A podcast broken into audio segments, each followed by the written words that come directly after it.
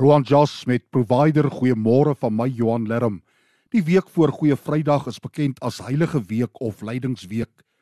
Ons gaan hierdie week kyk na die emosies wat Jesus Christus ervaar het op sy lydingspad na die kruis. Jesus se worsteling in Getsemane bly 'n roerende verhaal. En die rede daarvoor lê in die geweldige menslikheid daarvan. Sy emosies was menslik en daarom kan ons dit as ware saam met Jesus beleef. In Lukas 22 vers 39 tot 46 word vertel dat Jesus op pad was Olyfberg toe met sy disippels wat hom gevolg het. In die tuin het hy eenkant toe gestap en gebid. Dit was so intens dat 'n engel hom moes bystaan en sy sweet soos bloeddruppels op die grond geval het. Hy was bang, doodbenoud, sê die Markus Evangelie.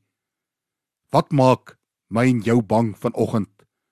Miskien ouderdom, siekte, finansiële nood of dalk eensaamheid. Dalk is dit COVID-19.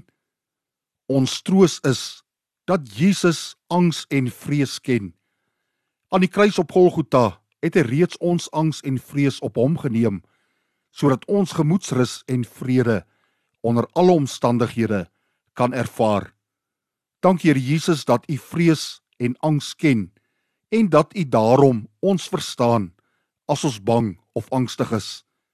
Help ons asseblief in ons tye van bang wees. Amen.